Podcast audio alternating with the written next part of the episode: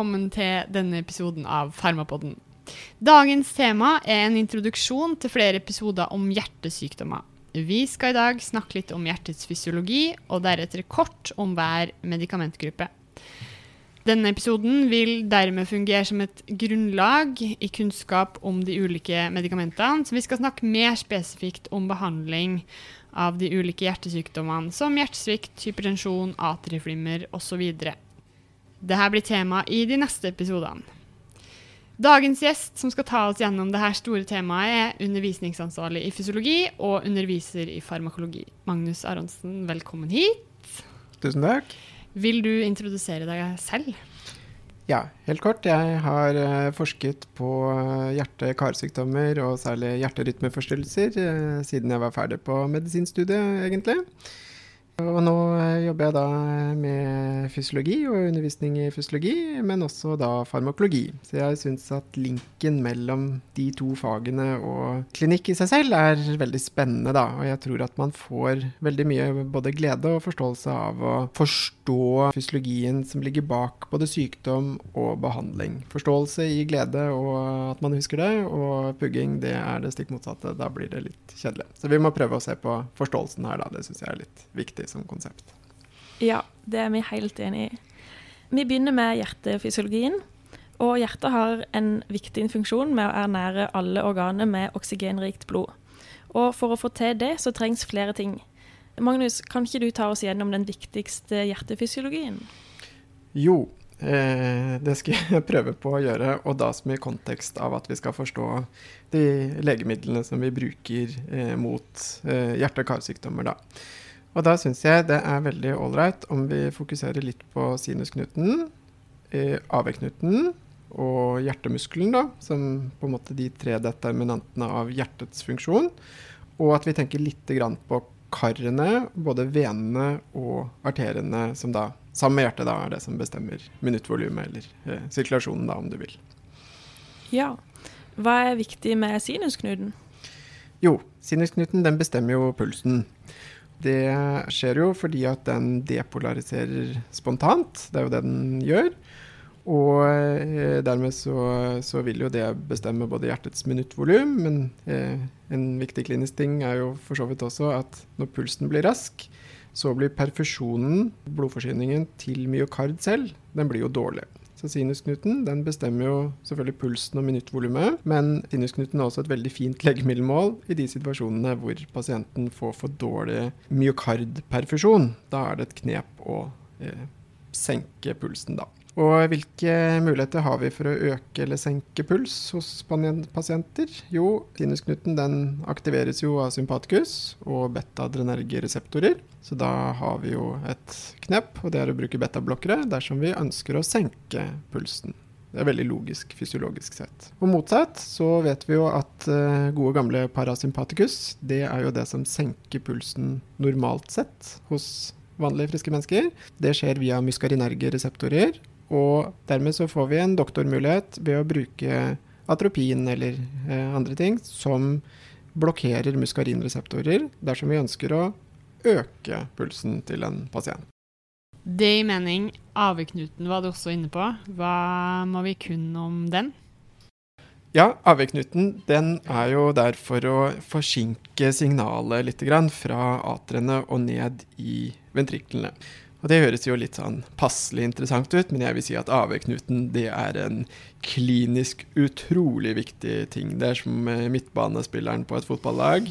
Den styrer egentlig alt som skjer i hjertet. Iallfall i noen situasjoner, da. Så jeg er veldig opptatt av at vi forstår AV-knutens uh, fysiologi.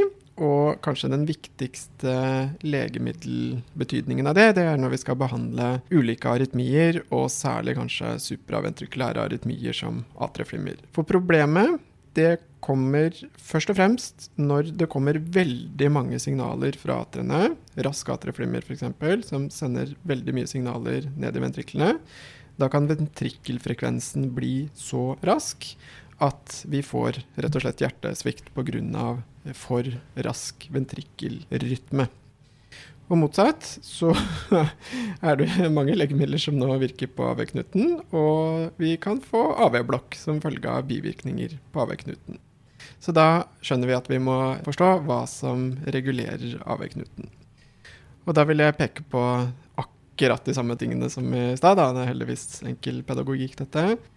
Sympatikus den vil øke konduktansen i AV-knuten, sånn at da går alt kjappere gjennom AV-knuten. Og dermed så blir jo betablokkere en finfin måte å senke konduktansen i AV-knuten. Og det er bra ved atrieflimmer, men det kan gi AV-blokk som potensiell bivirkning, da. Det er ikke så vanlig, men i teorien. Og så motsatt, så vil jo parasympatikus da senke konduktansen i AV-knuten. Da tar vi et enkelt uh, poeng eh, med et legemiddel. Det er et bestemt legemiddel som nå har muligheten til å senke konduktansen i AV-knuten ved å aktivere parasympatikus direkte. Vet dere hvilket legemiddel? Det må legemiddel? være digitalis. Ja, nettopp! jeg er så glad i digitalis, det er så morsomt. Og det er nok for mange litt uventet, men den legemiddeleffekten som vi bruker digitalis til i dag, det er å aktivere parasympatikus akkurat i denne situasjonen hvor vi har for rask ventrikkelrytme og ønsker å senke konduktansen i AV-knuten. Da kan man faktisk bruke digitalis, fordi det aktiverer parasympatikus ganske spesifikt. Jeg sier ikke noe mer om det nå, men det er grunnen til at vi bruker det legemiddelet. Og så bare for å si det siste, da har vi liksom sett at sympatikus og parasympatikus virker hver sin vei i AV-knuten, og så har vi legemiddelmål der. Og så vil jeg bare poengtere en siste ting.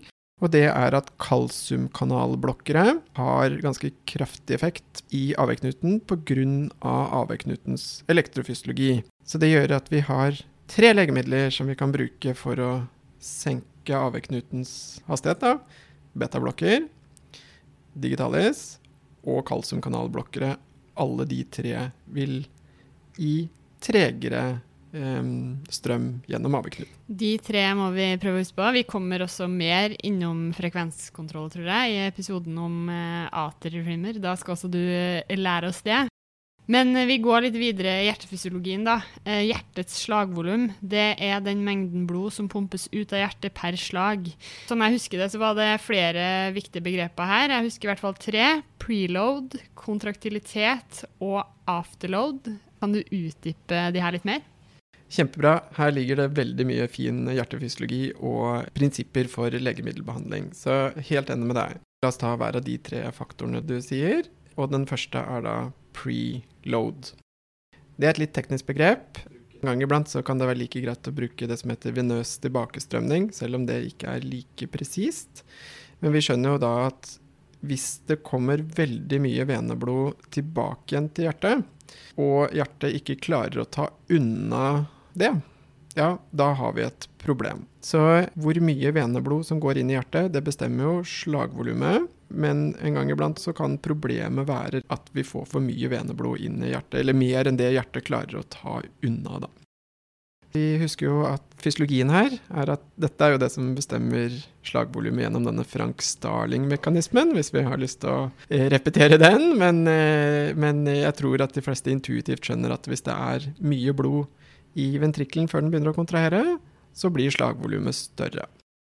Det jeg vil at du skal eh, få med deg i forhold til legemidler, det er at her har vi faktisk en gullkantet mulighet til å hjelpe pasienter som sliter med overbelastet hjerte, enten væskemessig eller arbeidsmessig. Og hva mener jeg med det? Jo, væskemessig La oss si man har litt akutt hjertesvikt eller eh, noe i den duren.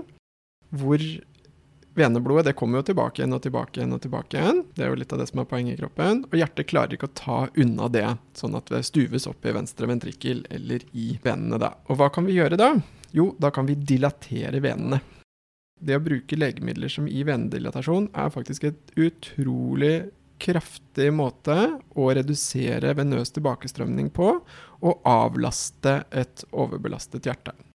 Det tror jeg er litt underkommunisert i undervisningen til tider. Så bare få med deg at legemidler som dilaterer venene, og de er det mange av, det er diuretika, det er nitrater og det er um, litt andre ting, de vil altså avslappe venene. Mindre blod går tilbake igjen til hjertet, og da ved akutt hjertesvikt, eller i og for seg iskjemi i hjertet, hvor hjertet er overbelastet, så vil vi kunne slappe av hjertet og faktisk løse hele situasjonen på sykehus. Det er faktisk hovedprinsippet for behandling av akutt hjertesvikt og iskjemisk hjertesykdom til tider. Da. Så det er preload. Lang forklaring, men forhåpentligvis forståelig. det gjorde det veldig mye mer forståelig. Eh, men hva er afterload? Bra. Afterload, det er det motsatte. Eh, afterload er hvor mye motstand hjertet må overvinne for å klare å pumpe blod ut. Og det er enkelt og greit blodtrykket i arteriene. La oss nå si at vi har et anginaanfall eller et eller annet sånt, hvor arbeidsbelastningen til hjertet er for stort, så kan vi senke blodtrykket og da få direkte bedring av hjertet, fordi at kraften hjertet må utvikle for å få pumpet blod ut i kroppen, det eh, blir mindre når afterload blir mindre, da. Siste punkt. Da har vi snakket om preload, vi har snakket om afterload, og det siste som bestemmer slagvolumet, bare for å få med hele regla, det er da kontraktiliteten. Og i gamle dager eh, så brukte man en del legemidler som virket på kontraktivitet, altså at de økte slagkraften i hjertemuskelen i seg selv. Det gjør vi ikke lenger, rett og slett fordi det veldig ofte har vist seg å være skadelig. Men da tror jeg bare vi minner om at betablokkere, som vi bruker så mye, det vil også da kunne senke slagkraften i hjertemuskelen, og dermed gi litt lavere hjerteminuttvolum av den grunn, da. Ja. Slagvolumet er jo med å bestemme minuttvolumet, som da er slagvolumet ganger med antall hjerteslag i ett minutt. Hvordan kan vi påvirke minuttvolumet? Ja, veldig bra. Som du sier, så er jo minuttvolumet frekvens, eller hjertefrekvens, ganget med slagvolum. Og da kan vi jo virke på hver av de to, da, på hver ulike måter. Så jeg lurer på om jeg bare bruker noen eksempler, hvis jeg får lov. Og da la oss ta betablokkere først. Og betablokkere de vil jo da senke hjertefrekvensen og kontraktiliteten, sånn at vi får både lavere frekvens og slagvolum i hjertet, og da går jo minuttvolumet ned. En annen eh, legemiddelgruppe som vi bruker mye av og skal se på, er jo kalsiumkanalblokkere. De vil jo også kunne ja, En gang iblant så kan de faktisk senke pulsen bitte lite grann, de òg. Men de senker i hvert fall kontraktiliteten i myokard, og da får vi lavere minuttvolum av den grunn. En tredje gruppe legemidler som kanskje er litt uventet, men det er diuretika, altså vanndrivende legemidler.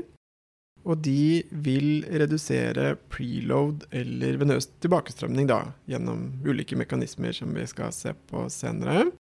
Men når du da får mindre venøs tilbakestrømning, ja ja, da får du mindre slagvolum, og hjertet blir ikke lenger så overbelastet som det ofte er da ved akutt hjertesvikt f.eks. Yes, jeg tenker at vi har et eh, fint bakteppe nå til å gå litt videre. Du har jo nevnt eh, allerede noen medikamenter, og vi skal nå eh, gå litt mer systematisk detaljert da, gjennom de her medikamentene som brukes innenfor hjertesykdommer. Vi starter med en klassiker, en medikamentgruppe vi absolutt ikke kommer utenom. Det er betablokkere. Jeg føler egentlig alle hjertepasienter går på beta-blokkere. Magnus, hvilken indikasjon er det egentlig for eh, å starte opp med de her?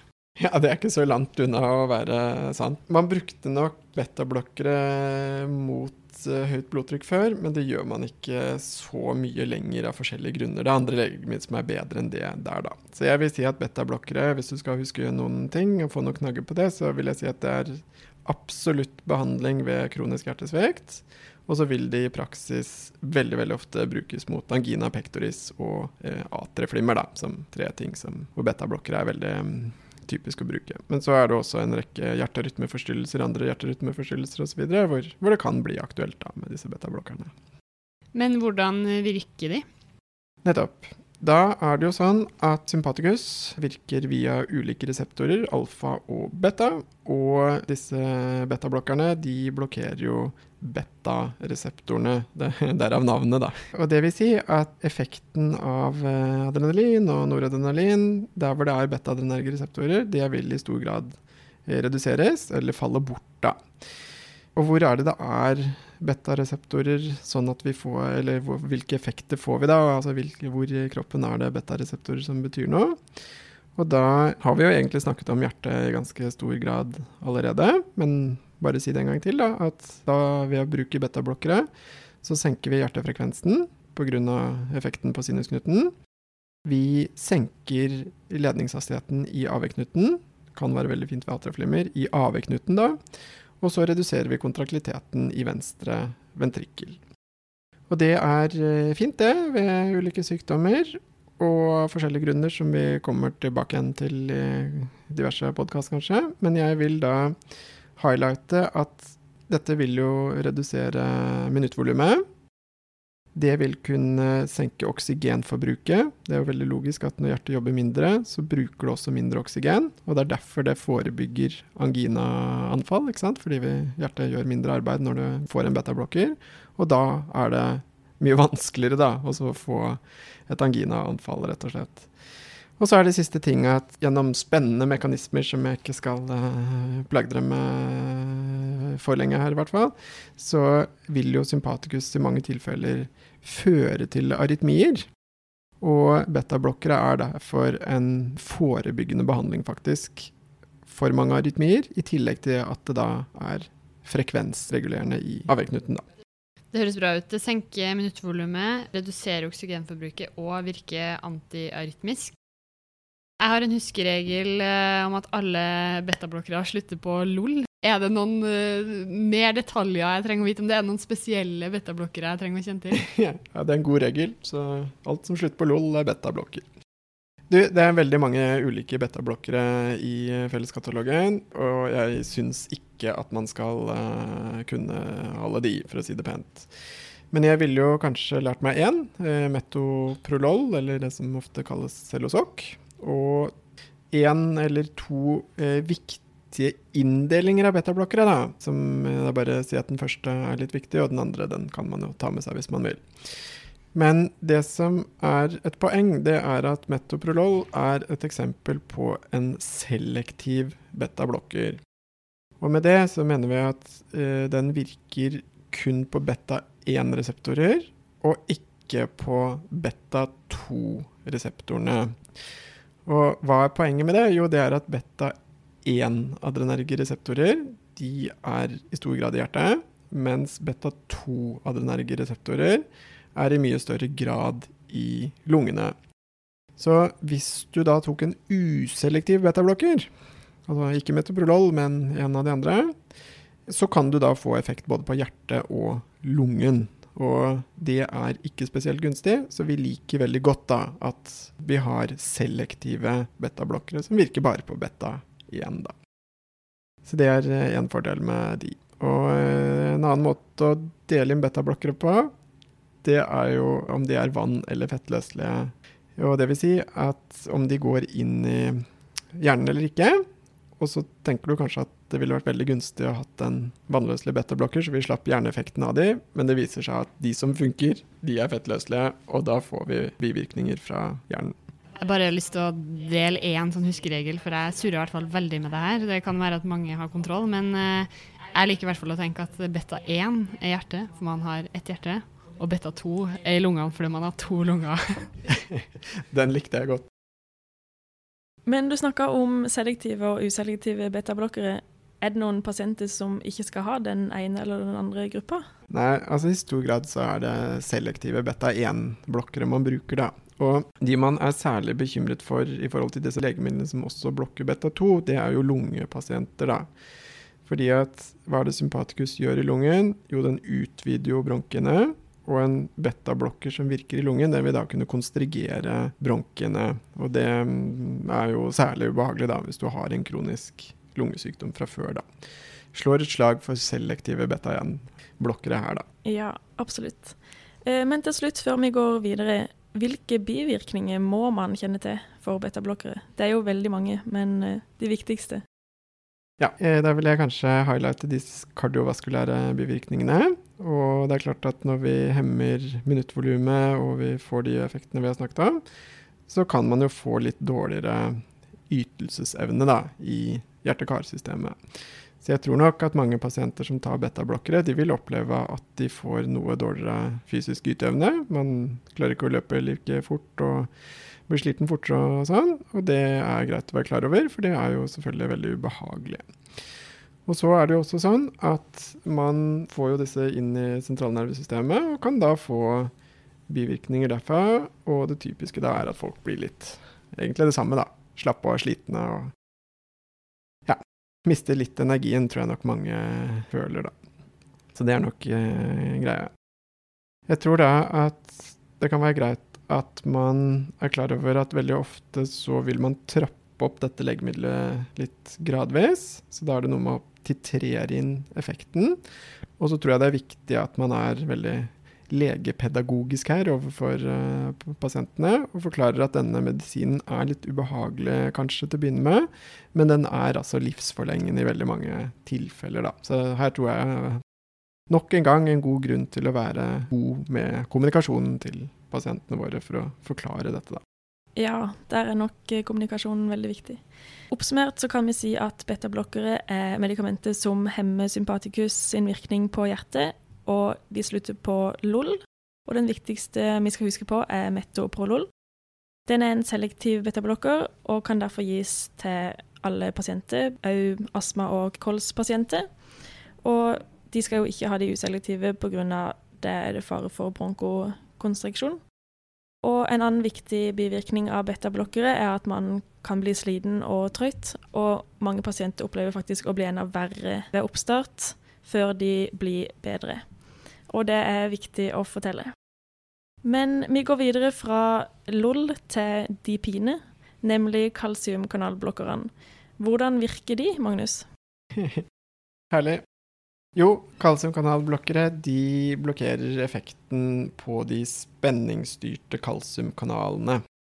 Og eh, de kan vi godt tenke på som to hovedgrupper. De som har effekt kun på kalsiumkanalene i blodkar, og de som har effekt på kalsiumkanalene i både blodkar og i hjertet.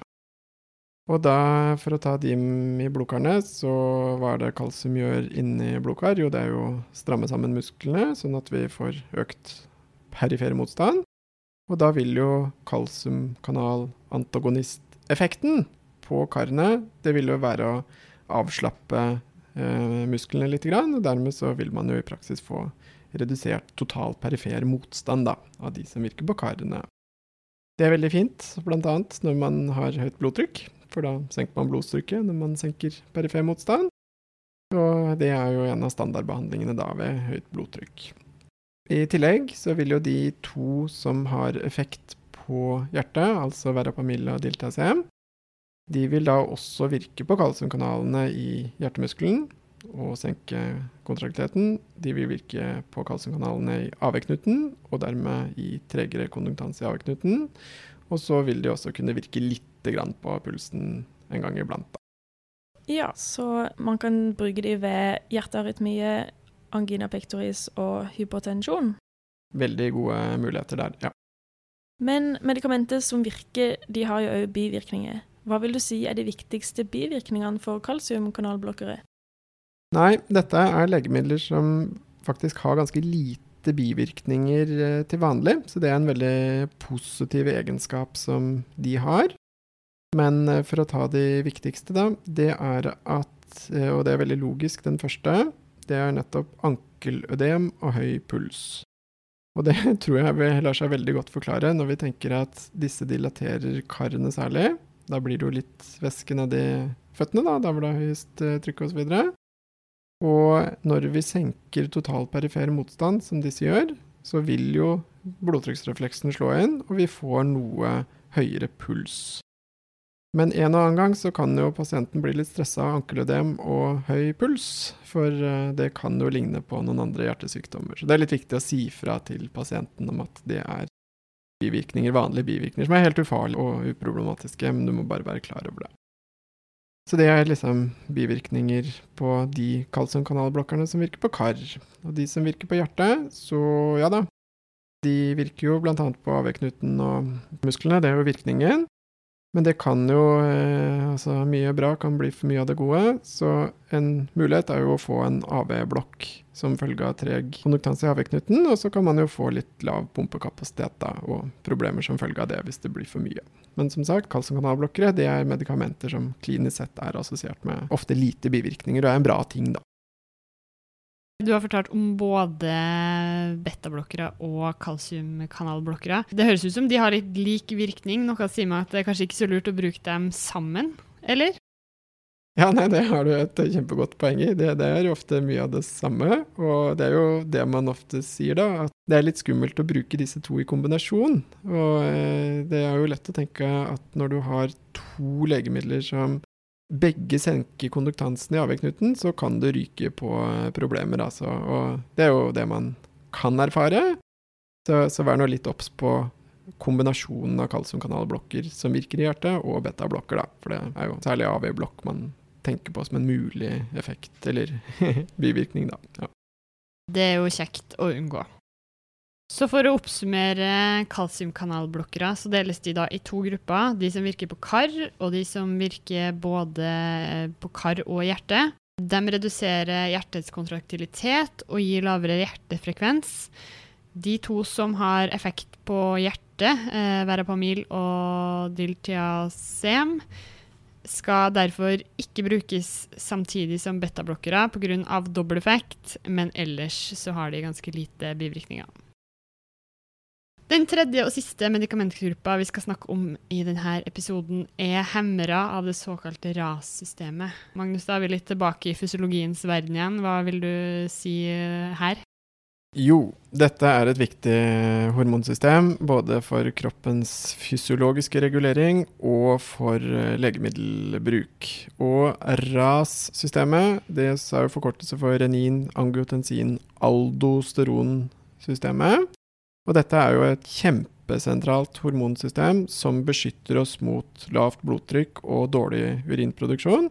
Vi kan godt se på dette som hormonsystemets motsvar til det sympatiske nervesystem, som de, de vil jo veldig ofte være aktivert samtidig. Og renin, ja, det skilles ut av nyrene når sympatikus er aktivert. Eh, så det er enda en link, da. Eh, altså når sympatikus aktiveres, så skiller vi ut renin. Og eller når det er dårlig med perfusjon eller urinproduksjon i nyrene, da. Da kommer renin ut i blod og spalter av dette plasmaproteinet angiotensinogen, som normalt sett ikke gjør noe i blodet. Men når det blir spaltet av renin, så blir det omdannet til angiotensin 1. Og nå får vi første legemiddelmål fordi angiotensin 1 omdannes til angiotensin 2 av det kjente enzymet ACE. Og ACE kan blokkeres med ACE-hemmere. Viktig ting. Og det ACE lagrer, det er angiotensin 2. Og angiotensin 2, det er liksom effektoren her. Det er selve hormonet som nå har effekter i kroppen. Og det gjør det ved å aktivere reseptorer for angiotensin 2, da. Og dermed så får vi legemiddelstrategi 2, dvs. Si å blokkere angiotensin 2-reseptorer. Og det er det som disse arbene gjør. Og tredje og siste ting da, det er at angiotensin 2 har noen effekter i kroppen. Men en av de er å da føre til utskilling av eh, det andre hormonet her, da, kan vi godt si, aldosteron. Og aldosteron det virker på nyrene, salthomostasen eh, der. Og da får vi plutselig en tredje legemiddelgruppe, altså aldosteronreseptorblokkerne, eller det vi kaller for MRA, mineralkortikoidreseptorantagonist, i klinikken. Det var en fin oversikt over dette RAS-systemet. Men hvis jeg har forstått det riktig, så binder angiotensin 2 til flere reseptorer, bl.a. angiotensin 1-reseptor, som er den som gir effektene, på en måte. Men hvilke effekter er dette? Ja, supert. Eh, da sa du det, at ok, angiotensin 2 virker på angiotensin 2-reseptor 1. Eh, og så finnes det noen andre reseptorer òg, men de gir lite kliniske virkninger. Så eh, ok, hva er effekten av den bindingen? Hva er det angiotensin 2 gjør i kroppen? Og da har vi allerede sagt det at vi skiller ut mer aldosteron, så det kan jo godt sies å være en effekt. Men ja, la oss si de tre viktigste effektene av angiotensin 2, det er at angiotensin 2 gir kraftig vasokonstriksjon. Så angiotensin 2 det snurper i stor grad sammen artiolene i kroppen, sånn at total perifer motstand stiger ganske betydelig. Og det øker jo blodtrykket. Og da skjønner vi umiddelbart hvorfor det er et kjempefin blodtrykksmedisin, for det motvirker jo den effekten, da. Og så har angiotensin 2 flere effekter i nyrene, som eh, til sammen opprettholder urinproduksjonen, kan vi godt si. Annet effekt på nyrearteriolene, men også direkte på nyren. Og det er gunstig ved fysiologisk regulering, og av ulike grunner som jeg ikke tar inn her, så er jo det veldig fint ved kronisk eh, nyresvikt også, da. Og så er det tredje og siste ting. Den er nok litt sånn uvant eh, for fysiologen, kanskje. Men det er at langtidsaktivering av renin-angiotensin-aldosteronsystemet, det har faktisk veldig skadelig effekt, det, på hjertet. Og Hvorfor det? Jo, det er fordi at angiotensin 2 det virker når, når, det er eh, aktivt veldig lenge, så får vi en del effekter direkte i hjertet som er skadelige. Ja, det er hjertevekst, og det er bindevevsdannelse, og det er mye rart som skjer i hjertet, men som samlet sett gir skadelig langtidseffekt i hjertet. Og det er hos de pasientene som har dette systemet, kall det overaktivert over lang tid, sånn som pasienter med kronisk hjertesykdom har. Og det viser seg at det er en så sterk eh, sammenheng nettopp med denne skadelige langtidseffekten i hjertet og renin-angiotensin-aldosteronaktivering, at det å blokkere RAS-systemet, det er faktisk den viktigste livsforlengende behandlingen hos disse pasientene. Så skadelig langtidsvirkning da i hjertet som tredje effekt, da, om du vil. Så hvilke sykdommer brukes hovedsakelig rashemmere mot da? Ja, så da har vi to måter å hemme ras på sånn i første omgang. Og det er jo nettopp å bruke ACE-hemmere eller blokkere da, av disse angiotensinreseptorene som vi ofte kaller ARB. Og da har vi to innfallsvinkler, ACM-ere eller ARBS. Og det er eh, standardbehandling det mot høyt blodtrykk, hypertensjon, som er jo logisk fordi vi motvirker vasokonstruksjonen. Og utrolig viktig i hjertesvikt, fordi at kronisk hjertesvikt, det er um, Hva skal jeg si, symptomene og skaden der er direkte som følge av langtidsaktivering av dette systemet. Så da er det jo veldig logisk at vi kan bruke disse legemidlene mot hjertesvikt. Og så er det jo også veldig vanlig å bruke disse legemidlene mot en helt annen gruppe sykdommer, nemlig nyresvikt og kronisk nyresvikt, pga. nyreeffekten av, av, disse legemidlene. Ja. Eh, du nevnte eh, ACE-hemmere. Jeg vil tro de hemmer enzymet som du kalte ACE, og dermed hemmer omdanninga av angiotensin 1 til angiotensin 2, sånn at vi ikke får vasokonstriksjon. Er det noen spesielle bivirkninger vi må tenke på ved bruk av disse ACE-hemmerne? Ja, det er en spesiell ting her, og det er at ACE det omdanner ikke bare angutensin 1 til 2, men det har også en effekt på andre stoffer, og det viktigste her er bradykinin. Og bradykinin det er assosiert med en del eh, bivirkninger som kan være mer eller mindre alvorlige, og de vi kanskje skal legge merke til, det er tørrhoste, og at det er en link her mot det som heter angioødem, som kan være litt ille hvis det treffer særlig i luftveiene. Så da er greia at ACM-ere, i tillegg til eh, de virkningene som er felles for ACM-ere og angiotensinreseptorblokkerne ARBS, ja, så er det en spesifikk ting med ACM-ere, og det er at vi får en bradykininstigning som er assosiert med bivirkninger som er spesifikke for disse legemidlene. Og det absolutt vanligste, da, det er jo tørrhoste. Og tørrhoste det er ganske vanlig, faktisk. Og det er også så eh, plagsomt at uh, det er eh, ikke helt uvanlig at her må du faktisk bytte ut medisinen fordi at pasienten hoster for mye som følge av denne bivirkningen. altså. Ja, og da er det vel, hvis jeg ikke husker helt feil, da, ARBS du eh, har som alternativ? Ja, det, der peker du på et veldig godt konsept. Altså ACE-hemmere og ARBS de kan klinisk sett brukes om hverandre, egentlig. De er bitte litt forskjellige molekylært eh, mål, men i praksis så blir det nøyaktig likt. Så det kan man bruke om hverandre. Og helt klart da, som, som du sier, hvis man da har denne tørrosten som er problematisk, så er det egentlig bare å bytte ut ACM-eren med en arb, og så får du akkurat samme virkning, men du er kvitt dette problemet med tørroste, da. Så det er jo litt sånn kjekt, eh, praktisk knep. Meget praktisk. Og ACM-ere de slutter da på pril, og arb slutter på sartan. Yes. Så har man eh, sånn Blir litt lettere å huske, for det er mange medikamenter. Men eh, Magnus, jeg og Cecilie vi satt og scrolla litt på Instagram før vi møtte deg i dag. Og vi, kom det dukka opp et nytt spørsmål her. For vi leste nemlig at ACE-hemmere og ARB har teratogene effekter. Stemmer det? Ja, det gjør det. Og da må jeg bare highlighte her at teratogen er fosterskadelig, og karsinogen, som du ikke sa, eh, det er kreftdannende. Så at det er teratogent, ja. Eh, ACM-ere og ARBS er legemidler som vi helst ikke skal bruke hos eh, gravide pasienter. Så vi tar ikke noe lang eh, greie her, men, men det er en kjent assosiasjon. Og da er det viktig at hvis du har høyt blodtrykk som gravid, eh, enten fordi du har hypertensjon før svangerskapet eller utvikler eh, preeklamsi eller noe slikt noe, så skal vi ikke bruke ACM-ere eller ARBS. Da er det andre spesifikke legemidler som er kjent å være trygge hos gravide som skal brukes. Så det, det er riktig. Ja, det skal vi snakke om i en annen episode, faktisk. Men du nevnte renin. Man kan jo òg hemme renin eh, direkte, men disse medikamentene brukes veldig lite i dag fordi de er dyre og mangler dokumentasjon på effekt. Eh, en annen ting du snakka om, var aldosteron, som man òg kan blokkere. Hva er det som er så gunstig med aldosteronreseptorblokkere?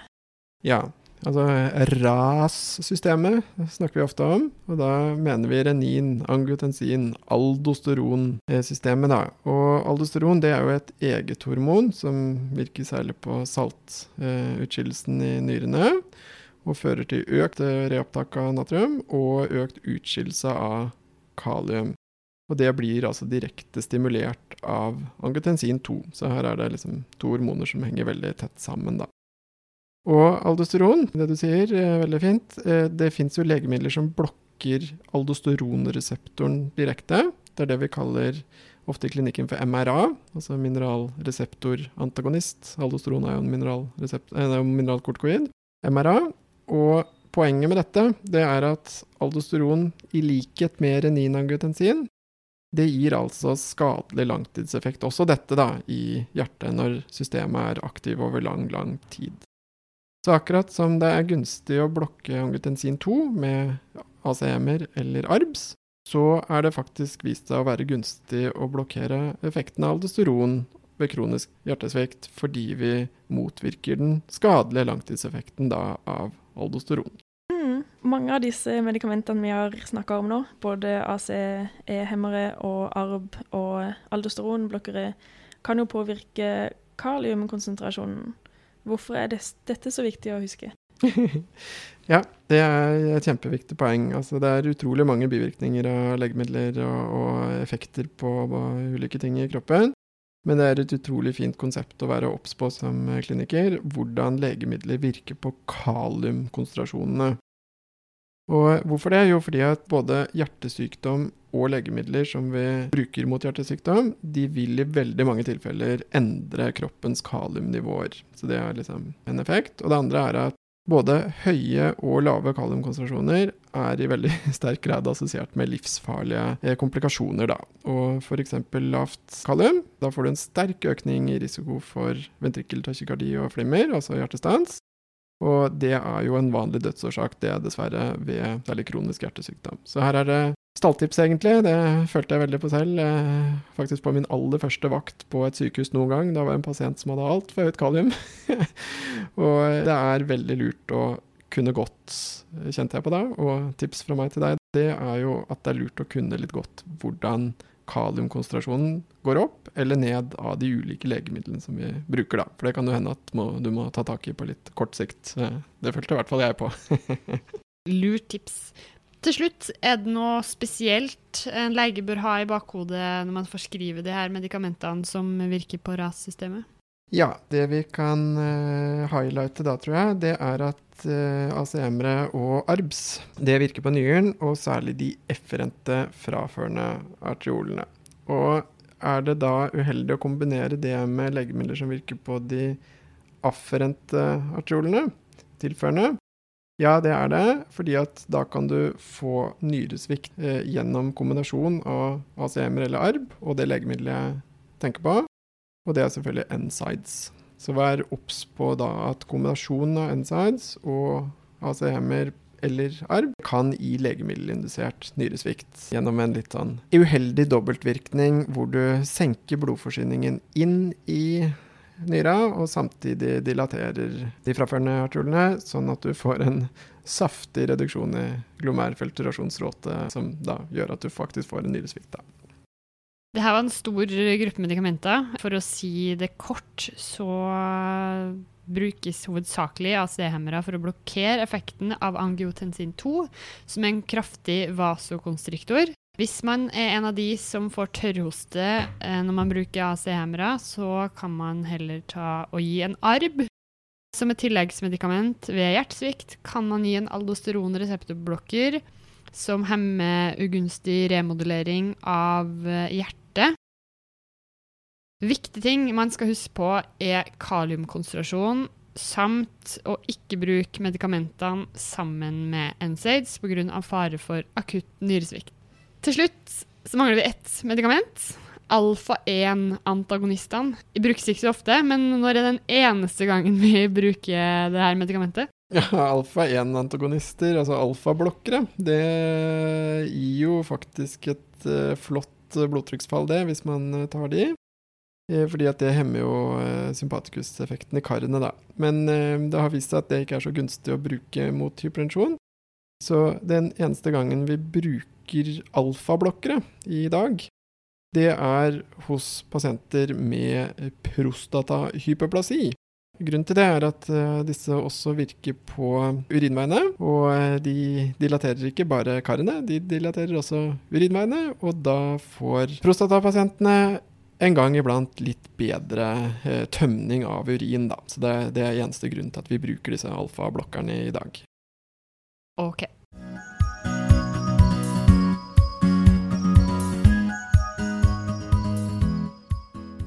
Cecilie, er du klar for en liten eksamen her på dampen? Ja.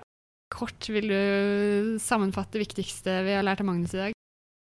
Vi har jo lært veldig mye, men jeg husker spesielt to viktige begreper. AV-knuten og preload.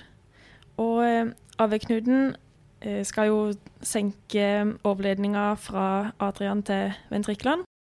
Den kan påvirkes av flere ting. Man kan eh, blokkere AV-knuten ved å blokkere sympatikus med betablokkere.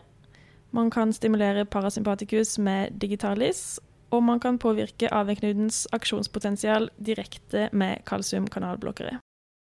Og preload vil si hvor mye blod som er i ventrikkelen før kontraksjonen begynner. Og det er med på å bestemme hvor stort slagvolumet blir, eh, sammen med kontraktilitet og afterload. Og eh, preload er spesielt viktig ved akutt hjertesvikt, fordi da vil vi redusere arbeidet til hjertet. Og preload bestemmes av to ting. Hvor mye væske vi har i kroppen, som man kan påvirke med diuretika, og venediameteren, som kan påvirkes av mange medikamenter som gir vasodilatasjon, bl.a. diuretika og nitrate. Nå har jeg snakka mye. Vil du ta en eh, oppsummering av det siste, Malin? Ja, vi var jo innom noen medikamenter her på slutten, da. Vi snakka, eller Magnus snakka egentlig først, om betablokkere. De hemmer det sympatiske nervesystemet sin effekt på hjertet, sånn at hjertefrekvensen senkes. De slutter på LOL, og det viktigste er metoprolol. Vær litt obs på astma- og kolspasienter som kun skal ha selektive betablokkere pga. faren som du, om, eller som du nevnte, Cecilie, med bronkokonstriksjon. Vær også litt oppmerksom på at pasientene ofte blir, føler seg litt sykere og slappere den første tida etter de har begynt på betablokkere, så det er viktig å forberede pasienten på det. Det vil gå over. Kalsiumkanalblokkere deles i to grupper. De som virker på kar, og de som virker både på hjerte og kar. De gir lavere hjertefrekvens og skal ikke brukes samtidig med betablokkere pga. dobbel effekt og fare for en AV-blokk, men ellers så gir de alene veldig lite bivirkninger. Hemmere av RAS-systemet var vi også innom på slutten der. De blokkerer effekten av angiotensin 2, som er en kraftig vasokonstriktor. og kan gi fibrosedannelse i hjertet. Her bruker vi hovedsakelig ACM-ere eller ARB.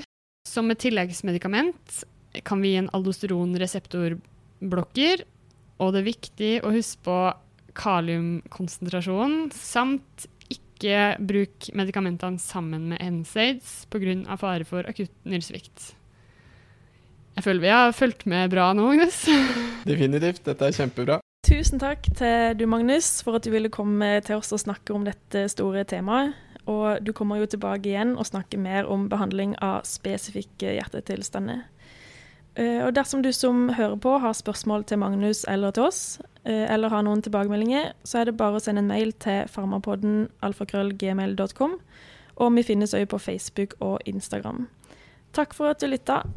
Ha det! Bra.